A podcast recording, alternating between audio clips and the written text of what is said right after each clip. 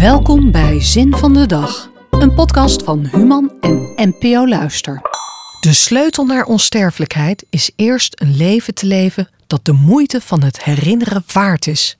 Bruce Lee. Ik ben niet gelovig. Dat betekent dat ik mijn levenswijsheden haal bij filosofen, schrijvers, kunstenaars en niet uit de Bijbel of de Koran. Toch zijn daar vast een boel levenswijsheden te vinden waar ik wellicht als ongelovige wat aan kan hebben. Ik ben trouwens benieuwd of een gelovige ook meteen bij de Bijbel of de Koran zijn inspiratie zal zoeken. Ik denk eigenlijk van wel. Om de theorie te testen dat een gelovige zijn levenswijsheid uit een geloofsboek zal kiezen, legde ik de vraag voor aan Halil Karaslan.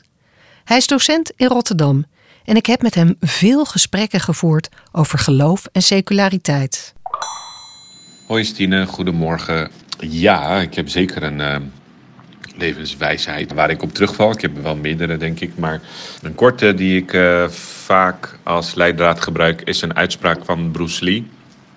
Die, uh, ja, die heeft mij in mijn jeugd heel erg geïnspireerd. En een van zijn uitspraken is, die ik heel vaak ook gebruik ja, in diverse contexten, is... The key to immortality is first living a life worth remembering.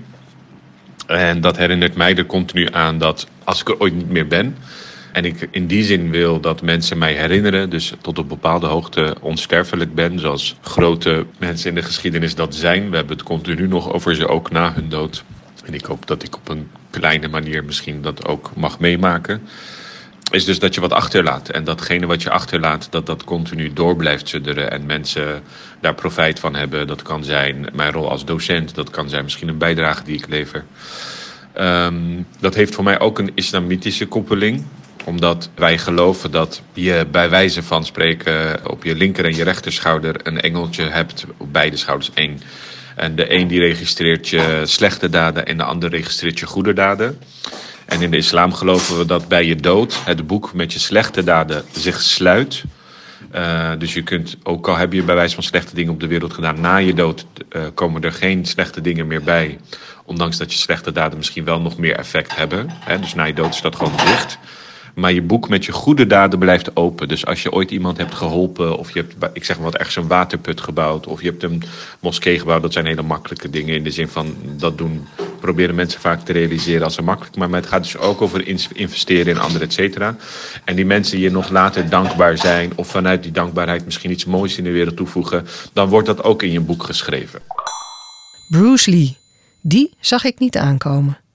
De Chinees-Amerikaanse kickbokser had een bibliotheek van meer dan 2000 boeken. Hij hield van filosofie. Hij studeerde het zelfs en hij richtte zijn eigen kung fu school op.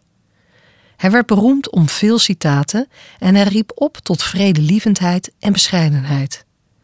Zijn eigen levenswijsheid maakte hij waar. Na zijn dood in 1973 is hij tot op de dag van vandaag voor velen een grote inspiratiebron voor hoe te leven. Heb jij ook een levenswijsheid? Stuur die dan naar zinvandedag.human.nl